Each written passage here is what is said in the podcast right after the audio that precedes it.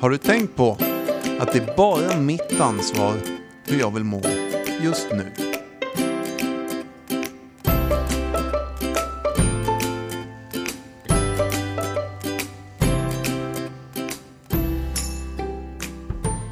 Hallå och välkomna. Avsnitt fem är på ingång. Och Freddy sitter mitt emot och ser glad ut. Hej Jesper! Hej! Hur mår du? Jag mår jäkligt bra, skulle jag säga. Jag är lite nervös idag för att jag... Eh, ja, det vet jag inte varför. Jag, jag, jag vet faktiskt inte om jag är beredd att berätta det för dig faktiskt. Nej, Och det men kanske du göra anade med- något förut. Ja, Jag blir nyfiken ännu mer nu. ja men jag tycker det är oroliga tider överallt alltså. Och jag är inte sådär, men... eh, Och, vi har glömt, alltså... eh, Vad vi heter och vi har glömt... Alltså, jag gillar, alltså applåderna gillar jag. Ja, kan du inte bara precis. försöka snärja till någon form av liksom hippig... Eh, to, sälj in oss lite nu Jeppe för fan. Vi kör så här då att vi har avsnitt fem av två fyllon och en sanning. Så ska det låta. Är du Så med? ska det vara. Är du nöjd? ja, Ja men det är ju fantastiskt. Och vi har ju full mat. Det var du som skulle hålla i det, förlåt. Nu, Nej, men det behöver jag inte göra. Jag var ju bara tvungen att det var premiär för mig att just. köra inledningen här som Okej. du alltid gör. Men... Ja, och sen blir jag så jäkla ivrig på att vilja liksom, för vi har ju, idag ska ju Danne vara med mycket, mycket mer än, än ska vad... ringa Danne, ja. Ja, precis. Precis. Och dagens ämne är, hur vet jag att jag är i riskzonen? Kan det finnas kännetecken för någon man umgås med, eller mamma, pappa Mm. eller sådär, eller mina barn? Att fan, de dricker på ett sätt som inte är... Mm. Kan, kan det finnas någon trapp? Alltså, hur, hur, vet, eller hur vet jag själv att... För jag tror de flesta har gått in och gjort någon sån här, du vet, test som de marknadsför i tv rätt ofta. Eh, när jag klipper gräset dricker jag. Hur, hur ser dina dryck, dryckesvanor ut? Eller är det bara för att jag ska ta ett glas vin? Alltså, typ sådär. Nej, men eh, precis. Det kan vara viktigt att känna till de där olika eh, riskbruk och missbruk och vad är skillnaden på alla begreppen? Mm. Eh, beroende eller bara brukare. Alltså att man bara brukar. Ja, för jag, jag kan nästan uppleva på, på vissa i min bekantskapskrets som, som fortfarande dricker och som man umgås med. Det, det har jag inga problem med, det är fine. Men ibland kan jag känna att de liksom försöker skämta bort att de liksom, åh, jag, jag vaknade i natt och ja, du vet, det stod ju en iskall öl där. Och det är ju supervettiga människor, så det är liksom inga, alltså de är ju inte, ja. eh, Eh, Och så tar man en, alltså, men det var ett dumt exempel, men alltså de kan skämta lite om ibland att de dricker. Men jag kan ändå känna att fan, det där kan ju vara... Så var det ju faktiskt för mig en gång i tiden att jag... Det började successivt. Och, och för mig var det ju så att, att jag minns någon gång sådär när jag började andra, första året, första, andra året på, på gymnasiet. Då började jag reflektera över, för det var först då man blev lite medveten om mer festande successivt och, och mina tankebanor. För för mig har det alltid varit min relation till alkohol. Det behöver inte vara hur, jag, hur det yttrar sig i hur jag dricker eller hur, hur mycket eller lite, utan hur går mina tankar kring det här? Jag kunde ju efter en, en festahelg då inte ta en återställare på söndagen. Det var liksom, där var jag inte. Men jag kunde redan på tisdagen börja planera för helgen. Vad jag skulle dricka eller vilken fest. Och det, blev mer, det, det tog mer tankekraft hos mig. Mm, precis. Eh, och, och då började jag fundera på det där. Sen släppte jag ju det och sen kom det tillbaka. Och, ja, det var massa sådana grejer som, jag, som ändå slog mig. Fan, det där är kanske inte riktigt normalt att tänka så. Nej, all energi som läggs på planerandet och, och fixandet och pengarna som ska till för att jag ska ha råd med det. I olika skeden i livet kanske man inte har så fett. Till exempel på CSN i gymnasiet. Nej. Men eh, det sa ju min mamma till mig, kommer jag ihåg, tidigt i högstadiet redan. När hon undrade hur fasen har du råd helg efter helg? Och, och så sa hon det, det är lustigt. Till alkohol finns det alltid pengar. Ja. Och det är en sån här sanning som har ekat i mitt liv sedan dess. Det har alltid funnits pengar till det. Ja. Det går före mat och det går före hyra så småningom och det går före bla bla bla. Ja. Och vi satt faktiskt hemma, det är så jävla kul att du säger det här nu, för vi satt hemma bara för några dagar sedan. För det är ju ett ganska hett samtalsämne fortfarande hemma hos oss då. Jag och Elin älskar ju att grotta ner oss i psykets alla inre världar. Och då pratar vi om det. När jag söp då, som jag mer eller mindre har gjort hela tiden. Mindre i början och betydligt mer från mitten och eskalerande sista åren. Att det hade jag ju alltid pengar till. Att, att supa, det, det märkligt. fanns det alltid. Det, jag tror det är någon så tusentals gånger. Jag tror det är många som känner igen sig i det. Ja men det har du ju för fan, allt, det har vi alltid pengar till. Men åka på utlandsresa med barnen eller bygga trallen eller köpa värmepump till poolen. Eller en ny grill. Nej, men, eller den får här- vänta. Ja precis. Men det är ju liksom inte det, är inte det som var i mitt fokus. Det var ju inte Nej. det som var viktigt. Det här är intressant för jag har inte tänkt på det här på länge nu men nu återgår jag till min lilla uppväxt där och morsan säger de där orden och det. Men eh, alltså då på den tiden, låter som jag är jättegammal men då jag tror att det här studiebidraget det var kanske på 800 kronor eller något sånt där. Och jag menar eh, hon har ju rätt, så här, var, var får jag alla pengar ifrån? 800 spänn det borde ju räcka till, jag vet inte, en eller två dagar Ja. i, i, med alkohol. Äh, jag, jag vet inte. Men jag såg ju till redan på högstadiet att finansiera detta. Och det är det du är inne på egentligen. Planerandet, tänket. Den där relationen satt ju rot i mig tidigt alltså. I högstadiet så råkade det vara så att jag och en till kille, vi var de som satt på kontakten med Ja, någon som kunde langa då. ja, precis. Ni var, ni var kungarna Det var liksom. viktigt Ja, där ja, på ja, högstadiet att gå i korridoren och brösta upp sig lite. Och vi, det här låter som ett skämt nu då, men jag hade ju ett block då. Så jag gick och tog beställningar från de andra i det här blocket. Liksom. Vad ska ni ha till helgen och hit och dit. Och sen så pågick ju en liten businessverksamhet i mitt skåp där i korridoren. Ja jävlar. Fan, du, du, vi pratade om det för något avsnitt eller i början där, om entreprenör och sådär. Du, Ja. du, inte, du, du var ju en entreprenör redan tidigt. Jajamän. Ja, fan vad härligt. Lite som Jönssonligan på den nivån. Ungefär, Ja, precis. Men du utvecklade aldrig det och började, för det är så här, det är typ fyllot som ändå har lite jobb kvar och lite så här Mm. halvdouchig kanske jobba. Eh, liksom, och, eller kanske inte jobba. Då, det är ju klassiskt liksom att åka ner och fylla upp i Tyskland. Mm. Och sen så sälj, alltså den, här, den här geniala idén att nu åker jag ner till Tyskland gumman. Men det kommer inte kosta något. För att jag säljer ju så Mm. mitt egna blir gratis. Den är ju så jävla klassisk. Ja, äh, Jag vet inte mm, egentligen om du ställde någon fråga nu. Nej, det vet kanske. Nej, men, men, Jag pratar nog bara i mitt ego. nej, men det, det Skit i vad du drar säger. ju upp massa sådana här min, hur jäkla mycket energi man har lagt på det här. Pla, återigen planering, planering Ja. och finansiering. Mm. Någon semester, Mm. då hade jag bryggt så här 20 liters vin hemma i Sats, eller vad det var, sju dagars vin. Ja. För att det kan jag sälja på Roskildefestivalen. Och sen åker vi vidare till Hultsfredsfestivalen. Då har jag 10 liter kvar att sälja där. Så att festivalen blir gratis. Och jag dricka och jag kan sälja. Det är ju företagsamt. Jag och en polare, vi gjorde någonting som inte hade med alkohol att göra. Jag måste bara berätta. Vi, vi, vi kom ju åt, alltså vi, jag är uppväxt på landet då i Hagby då, så gick jag i en liten skola som heter Hagbyskolan. Och där vet du, vi hade ju så jävla bra Böjte hette han. Hade ju en liten loppis, han var ju före sin tid alltså. Jag- Alltså vi snackade kanske 20 år sedan.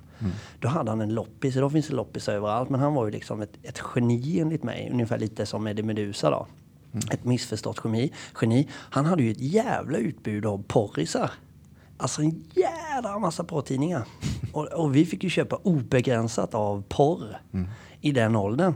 Och då kläckte vi idén om att det här måste vi ju kränga. Så vi krängde ju, alltså vi sålde så in i helvete med porrisar på skolan.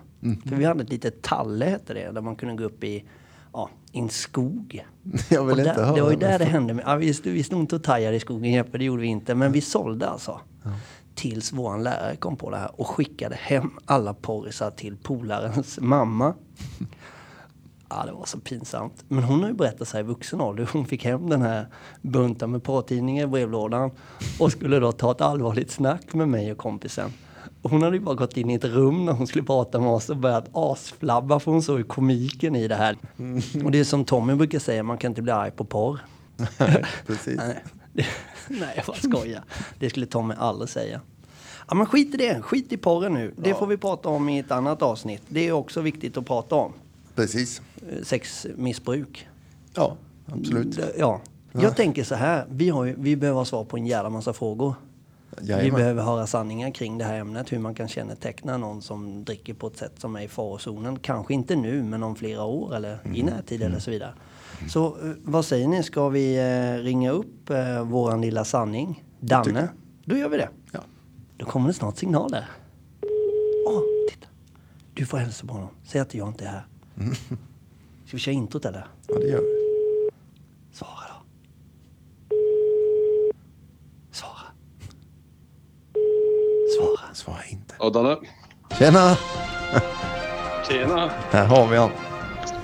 Jävlar, en trudelutt också. Sanningen, Danne Asp. Det där lät nästan som att någon hade öppnat en lucka på Bingolotto och vann typ 10 000 spänn eller något innan de svarar. Det är ungefär samma sak. Det var ju nästan så. Ja, det var det. Tjena fyllon. Tjena sanningen. Hur mår du idag? Ja, det är prima. Vad skönt att höra. Vad härligt. Ja, då, Vad gör, vad gör du för någonting? Ja, jag, ja, ärligt talat, jag gör ingenting. Det är ju kallt ute. Det är ju, känns ju som att det är på väg att bli höst. Ja, det är helt Får ju dra galet. på mig raggsockorna och krypa ner under täcket. Med en öl eller en whisky. Det är lite känsligt att säga sånt här till en plåtslagare. Att det är lite kallt ute och det. När man 99 procent av hela året är utomhus och jobbar. Ja. Det känns som att du försöker fiska lite sympati nu. Kanske. Ja, och min nästa fråga blir då till eh, Järnskrynklan och våran egen sanning. Vad tycker du om Jespers självömkan i, i den här frågan? Ja, det börjar ju bli lite oroväckande. Är det risk för, för att han tar ett återfall skulle du säga? Vi kan ju börja med att säga att det är inte jag som gnäller på att det är kallt ute. Nej, det var det ju för sig inte. Det var vår egen sanning ju. Jajamän. Nog om det, för fan. Vi, nu, nu måste vi skärpa oss här. Ah, Okej, Vi har ju massor med frågor till Danne. ja det har vi. Vi har ju ett ämne idag, vi har ett ämne idag Danne, eh, som, du, som vi kanske borde tagit med dig innan då, men eftersom du är så jävla begåvad så, så du, du har så bra svar i alla fall. Vi pratar om riskzonen. Och då berättade jag liksom hur jag, ja, men alltså hur jag tidigt i sjuan eller andra första året på gymnasiet kunde redan då börja känna igen tankar hos mig att vad ska jag dricka i helgen kunde jag tänka redan på tisdagen till exempel. Att, det, att jag började inleda min, ja, min skeva inställning i huvudet till alkohol.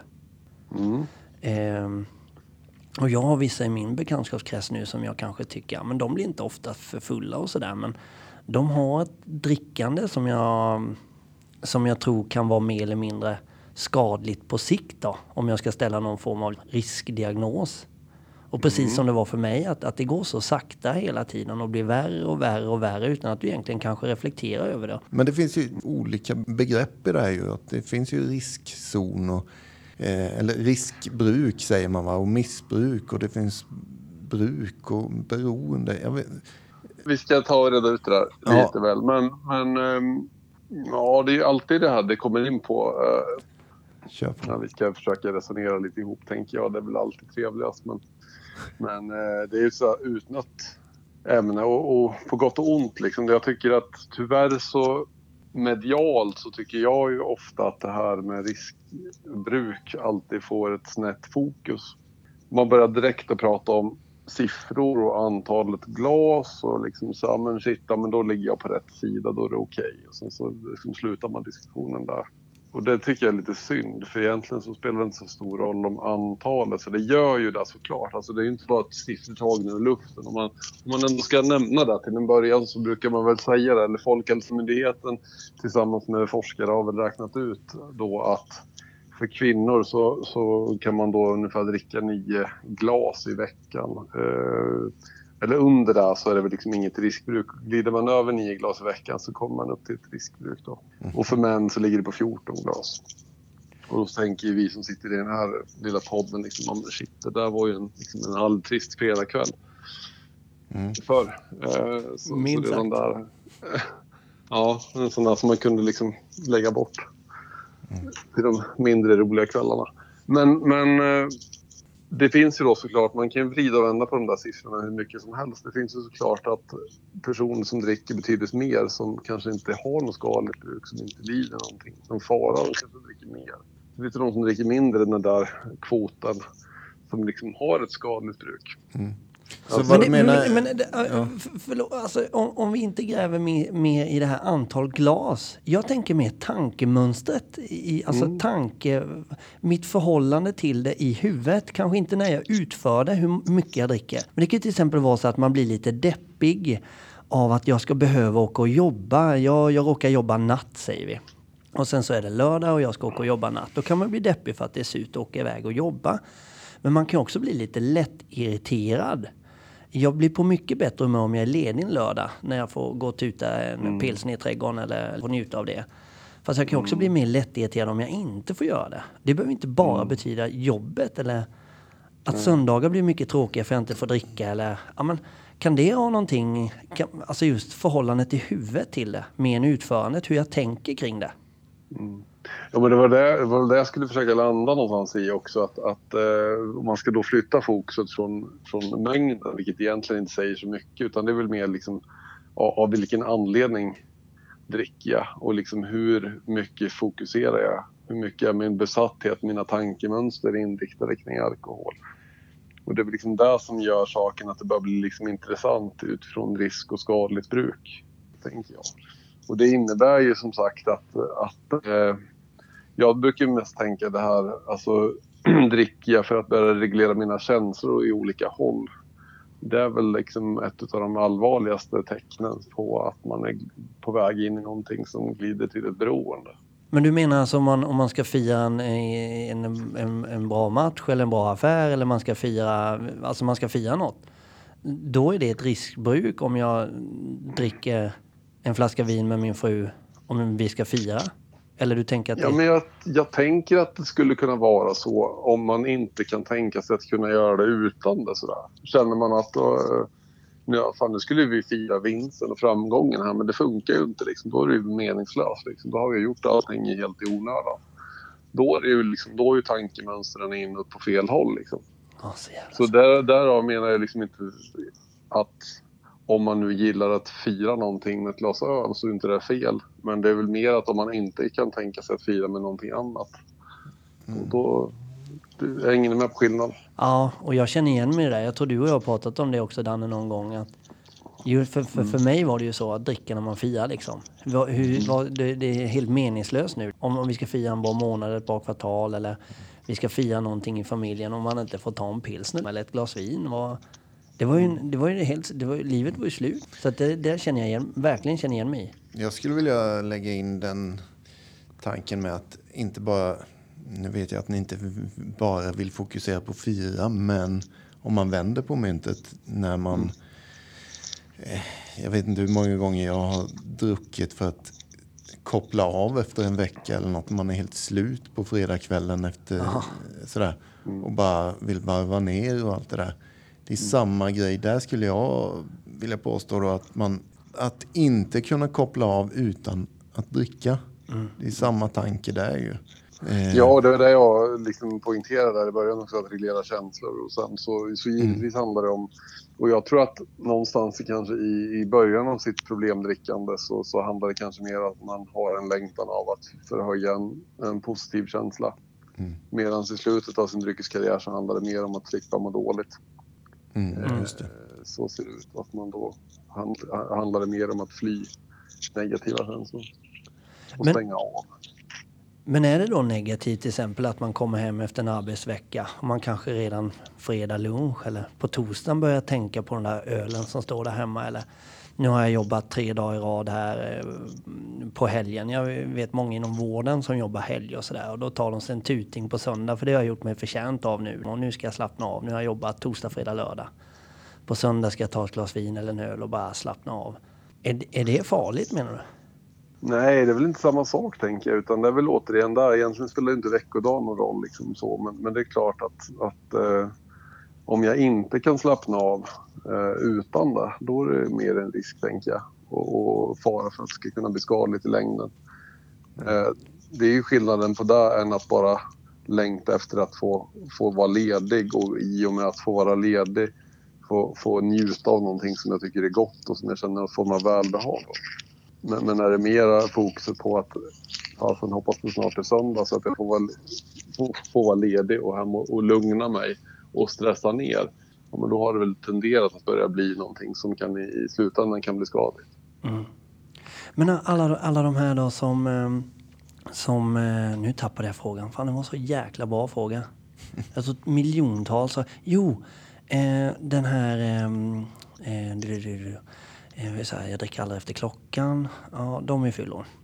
Eh, sen finns det de som säger... Nu tappade jag helt. Ja. Fan också. Jag dricker aldrig efter klockan. Jag känner en som har sagt så. Vad var- menas med det då? Nej men jag dricker aldrig efter klockan. Alltså om du åker utomlands med någon eller sådär. Utomlands så vill man ju tygla sig på något sätt och då, då, då säger man, eller i alla fall de jag åkt utomlands med och jag själv har sagt, inte före 12. Men efter 12 får du ta den första ölen. Problemet med det är ju bara att man ser till att smyga iväg därifrån. Någonstans runt halv elva och ta den första. Det är ju klassiskt liksom. Men liksom att dricka efter klockan, det har jag aldrig gjort. Var det någon som sa det gick åt helvete fullständigt för honom. Dummaste jag hört tycker jag. Eller jag vet inte. Jag dricker väl när jag vill. Jag säga, dricker men- väl när fan jag Ja vill. men lite så. Ja. Jag tänker att... Jo, nu kom jag på det! Förlåt, förlåt, jag kom på Ja. det, jag kom på det. De som, de som hela tiden kämpar med den här klassiska vita månaden då? Mm, ja, jag tänkte du skulle komma in på den. För jag tänkte vi skulle prata lite om den vita månaden också. Det finns en del experter som faktiskt hävdar att det finns en massa formulär man kan fylla i om man nu tenderar att ha ett riskdrickande eller liksom på något Ja. sätt ha skadligt bruk. Och det finns alltså forskare som har hävdat det, att det räcker att ställa en fråga eh, till en person. Och, och då har den här hävdat att det, det är just den frågan. Har du någon gång tagit en vit vecka eller en vit period från ditt drickande? Kan man då svara ja på den så skulle anse den här personen att man är då beroende eller har ett riskbruk. Ja, för en frisk människa, jag, jag behöver inte nämna namn, men jag känner ju faktiskt ganska många som aldrig ens skulle, om jag skulle fråga dem det så skulle de säga, vad menar du? Eller varför skulle jag, varför, varför skulle jag ens, tänk, varför skulle jag göra det menar du? Exakt, för då har man ju liksom aldrig ens uh, ha, ha något behov av det. Sen skulle jag väl lägga, lägga in någon form av brasklapp i diskussionen med tanke på den här hälsovågen som, som är i Sverige och som är i Sverige ett tag nu. Eh, där, där finns ju vissa hälsofreaks som, som på något sätt kör vita perioder av allt. Liksom, då är det mer nu är, vitt från socker och nu är vi vitt från alkohol. Liksom. Den, den, kan ju fortfarande vinnas. Men, men eh, just om man har tagit en vit period på grund av att man har behöver vila upp sig från alkoholen då, då skulle jag vilja påstå då har man nog lite mer långtgående problem. Mm. Finns, jag tänker på andra människor som påminner också om det här med vita perioder. Men jag vet en del som har druckit ganska rejält i sina dagar och sen lugnat ner sig. Men då på, eller säger väl, inte många men en del vet jag, de säger att jag dricker inte alls längre. Fast sen så gör de det i alla fall varje helg men det är bara lite mindre mängd. Men det kallar de för att de inte dricker alls längre. De dricker inte sprit längre menar de egentligen antar jag. Ja. Och det där är ju så här, va? Konstigt. Egentligen, jag vet inte riktigt exakt vad jag far efter, men om man tänker som för min del och din del. Och, alltså, jag kan inte ens ta en cider med, jag vet inte ens hur mycket det är i en cider, 2,25 eller vad kan det vara? Eller 1, någonting. Ja. Det är inte ens det tar jag. Så här, och jag dricker inte längre. Nej, samma här. Så är det, punkt slut. Så här. Ja. Men det finns de som säger samma ord men de dricker ju 2,8 så här. Ja. Fast de dricker inte, Nej. säger de. Den där, vad, vad är det? För mig Nej, låter det alltså, som jag- något sjukt förnekande eller vad? Ja, jag tror i de flesta fall så är det nog som du säger, då är det något, något förnekande, någonting man, man utåt sett vill liksom säga att man har kontroll på. Eh, I alla fall om man har druckit så under en lång period innan. Sen finns det väl ett visst... Nu kommer det lyssnare som känner igen sig här så jag knyta näven och säga "Ja, yes, jag visste att det fanns ett halmstrå kvar. Men det Ja, finns vissa, vissa som, som, eh, som har befunnit sig i ett riskbruk under en period. Jag skulle väl inte säga att den perioden borde vara så lång, men säg ett antal år. Mm. Säg att man har varit inne i en livskris, man har gått i pension, man har eh, skilt sig eller någonting jobbigt har drabbat en. Man har en, under en längre period druckit på ett destruktivt sätt för att på något sätt hantera en, en jobbig period. Då går det med hjälp av kanske lite kortare rådgivning och hantera det som liksom ligger bakom orsaken till att man behöver fly. Mm. Alltså göra så att en person sen kan, ja alltså nu är krisen lagd, nu, nu återgår jag till mitt vanliga bruk av alkohol. Eh, poängtera i det här fallet så har då personen inte gått över och blivit beroende utan bara varit i ett riskbruk och, och sen liksom med rådgivning då hitta tillbaka för att man har åtgärdat ett problem. Men för den som har varit ett beroende så, så har jag aldrig hört talas om att man har på något sätt hittat tillbaka till någon form av bruk. Inte under en längre period i alla fall. Nej. Nej, precis. Nej, för eh, ofta sådana personer som då, som jag syftar till, som säger att jag dricker inte längre. Och så dricker de ändå 2,8 eller 3,5. Eh, men sen efter fyra sådana helger, då jävlar, då tar de sig en fylla. Mm. Mm. Och sådär äh, märkligt beteende kan jag tycka. Men, men jag kan ju tycka, även om de här alla familjer som åker utomlands varje år, alla mm. med mamma och pappa och släktingar och sådär, eller man åker själv med polarna. Om du ens behöver tänka tanken på att ha förhållningsregler till din alkoholkonsumtion. inte det en, varför ska du behöva ha det? Om du inte har problem. Mm. Ja precis, jag tror att det här är ju summan av hela det här ämnet i dagens avsnitt. Det är ju varför tänker du på det? Mm. Är du frisk så tänker du inte alls på det här. Du håller inte på att dribbla med att nu ska jag dricka 2,8 tills nästa Nej. månad. Eller nu ska jag ha en vit period. Eller hur ska jag få ihop pengar till det här? Om jag... jag tror ju att, att man, man kan sammanfatta just det lite grann med att det här med att eh, fråga sin omgivning. Alltså den som har ett problem då eller eventuellt har ett problem. Alltså anledningen till att man då har fått förhållningsregler är väl förmodligen för att en närstående, oftast en sambo eller en make eller make har liksom tyckt att det här är lite problematiskt med ditt drickande. Förra semestern hade vi ett helvete. Mm. Och, den här semestern så, så, och sen kommer alla de här förhållningsreglerna. Och ja, har det börjat blivit ett problem redan för omgivningen och sin nära anhörig så, så tänker jag att då har väl drickandet redan eskalerat till en punkt där man kanske borde göra någonting åt det. Mm. Men annars tycker jag det är, ja, det är så jävla intressant att lyssna på er båda som är så otroligt snygga och kunniga. Men, ja, men ja, det borde ju vara så enkelt som att om du inte har minsta lilla problem med det här, om du bara älskar att dricka din alkohol och, och så vidare, som, som jag också tyckte var gött innan det gick överstyr mm. och det blev en sjukdom för mig och ett kraftigt problem. Mm. Så om du inte har problem med det så har du heller inga tankegångar som du behöver brottas med. Är det så enkelt? Alltså att, har du inga, då behöver du inte tänka på om det är fel eller rätt att dricka nu eller Nej, jag tror inte det. Eller jag tror det. För, det, för det första så handlar det ju om, om, om grund och botten liksom att om en som inte blir personlighetsförändrad och blir, alltså blir konstig när man dricker, dricker förmodligen så pass lite mängder så, som gör att det stör ju ingen annan. Nej.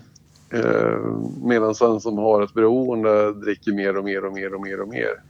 Och en till och en till och en till och börjar bli bete sig konstigt och, och, och gör att det blir obekvämt för, för barn och familj och vänner och bekanta. Och, och det är väl liksom det som är själva den avgörande skillnaden. För det jag märkte är att man ofta så här, när man, när man bjöd till fest och sådär och när man hörde andra berätta om vissa personer som alltid blev så jävla fulla och de gjorde roliga grejer och man gjorde lite spä av dem fast man, man skrattade nog mer med dem än åt dem det har ju visat sig nu längre fram att de här personerna man skojade om då som var en rolig prick på festen som, som somnade i rabatten eller som cyklade åt ett helt annat håll än vad han skulle och sen så kom han två mil. Alltså så här. Mm. Det har ju visat sig att det var inte bara på den festen det spårade ur på det viset utan det fanns ju ett privatliv också till 99 procent av tiden som man aldrig såg. Mm. Där det också hade varit kaos. Mm. Så det är ju en varningssignal på något sätt. I alla fall i mitt liv har det varit det på flera personer. Mm. Det intressanta också, sitter jag och tänker på just nu, är ju att vi inte vet svaret på det där med att aldrig tänka på det. Nej. Det säger en del om oss egentligen. Alltså att vi är ju sjuka i den här Ja. sjukdomen. Jag har aldrig inte tänkt på alkohol liksom, eller planerat.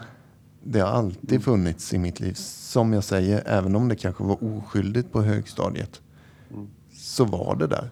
Jag satt och längtade varenda dag vid skol, i skolsalen där och tittade ut genom rutan. Jag var helt frånvarande på lektionen. Jag var någon helt annanstans. Jag var i fredagen, fredag kväll. När det var tisdag egentligen. Där var jag i huvudet och planerade, planerade, planerade. Men du tänkte inte att de skulle, att du gick med i elevrådet och liksom förde en motion på att istället för att ha mjölk i de där tankarna när man körde in glaset på den där lilla bågen, att de kunde ha en med bira i? Självklart tänkte jag på det. Ja. Nej, det gjorde jag inte. Men det, Jag, jag, jag tror ju lite som ni är inne på det här när man har en fysisk allergi, man har den här sjukdomen som, som, som finns så, så Mm. tror jag att det finns någon reaktion som sitter i ryggraden. Och Jag brukar, jag kan, jag kan ta den för lyssnarna. Jag tror att ni två båda har hört den förut men jag har ju en sambo som är, på något sätt inte har några problem utan de brukar vin. Mm. Och, och jag kan ju nästan fortfarande, nu har jag väl varit nykter i 17 år, 16-17 år. grattis. Och... Eh, ja, men, men eh, så, så har hon haft sin vinbox stått i kylskåpet ett tag, ett par veckor. Ja. Och, och redan där så, det där hade ju inte hänt. Att den hade stått så jävla länge.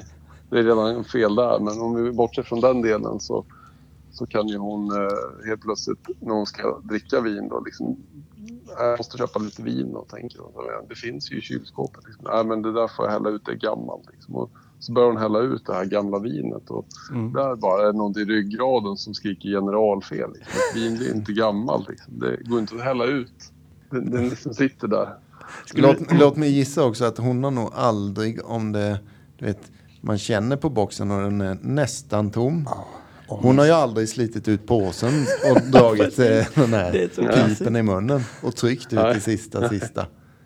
Det har ju hon aldrig gjort. Fan, det där har jag glömt. Det är ju en klassiker. Det är klart man måste. ja. Ja. Nej, men jag, jag förstår. Det, det, det växer liksom inte bort det där bara för att man har varit nykter i 17 år eller 10 år eller 3 månader. Och, och inte i den bemärkelsen att man blir sugen, men det är bara en instinkt som Ja. säger att det blir fel. Jag skulle vilja höra lite mer om det där när du som jobbar som terapeut och sådär. Stjärn, våran egen stjärnterapeut. Hur, blev du, hur yttrar det sig? Alltså, skulle du säga att det blir liksom, slagsmål blir det ju inte, men skulle du säga att ni blir riktigt jävla ovänner när du ser henne hälla ut alkoholen hemma? Ja, oh ja, alltså det blir en rak alltså. Det, nej, nej, det, det blir mest ett skarv åt det liksom. Att man, det är liksom rätt roligt bara att, att, eh, att det, är så, det är så inne i DNA på något sätt. Mm. Det är intressant. Och Det är Ja. likadant med, likadant när man åker på semester eller liksom man har den här bakgrunden. Så det är som, man, man ser ju rätt lätt och rätt fort liksom, olika signaler, olika tendenser på olika människor. Och, och, men Det är rätt roligt.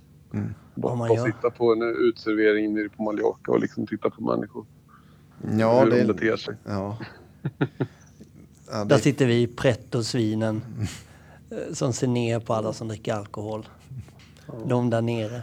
Det var som Uno sa i Rederiet. Jag lyssnar på Rederiet varje kväll och han är så jävla... Jag, Vänta, Rederiet, lyssnade på Rederiet? Ja, innan vi ska somna lyssnar jag och min fru på Rederiet. Alltså det är så jävla Nej. bra. Och då säger Uno i alla fall, det var han som var intendent ju. Han är alltså högsta chef på båten efter kaptenen. Och han är så, han är så jävla skön, han är så flummig och klantig och, Ja, och allting. Då säger han så här, min far sa till mig, Uno, när du kommer upp dig i livet och gör karriär, då ser du ner på småfolket. Men glöm dem aldrig. Och jag tyckte det var så kul. Småfolket. Ja, precis. Föden. Ja, de där nere. Men, men eh, förlåt om jag petar henne, men lyssnar ni på Rederiet? Finns det på ljudbok? Nej, men det jag vet är det som är så konstigt för att det är ju en serie. Ja, en av TV. Sverige, ja, tv-serie. Men den är skit. Den håller verkligen att lyssna till. Du behöver inte se den. Det är inte många serier som gör det, men Rederiet gör faktiskt det. Jag har aldrig hört talas om någon som lyssnar på en serie, men det var häftigt. Ja, det var första gången. Ja. Nej, härligt. Ja, Jag är så lycklig och vi hade kunnat prata så jävla mycket längre. Tiden går så fort. Vi- Vi kanske ska avsluta med vad lösningen kan vara då, om man känner att man, har, att man är i riskzonen. Om man, och, och, och, om man inte vill sluta helt. Den klassiska man vill, hur, hur gör jag för att dricka normalt? Jag tycker att man, man kan ju på något sätt då prova hur det känns. Liksom. Att, att välja att vara nykter och, och liksom se hur det känns om jag klarar av det eller om jag till slut kommer liksom tycka att livet är slut.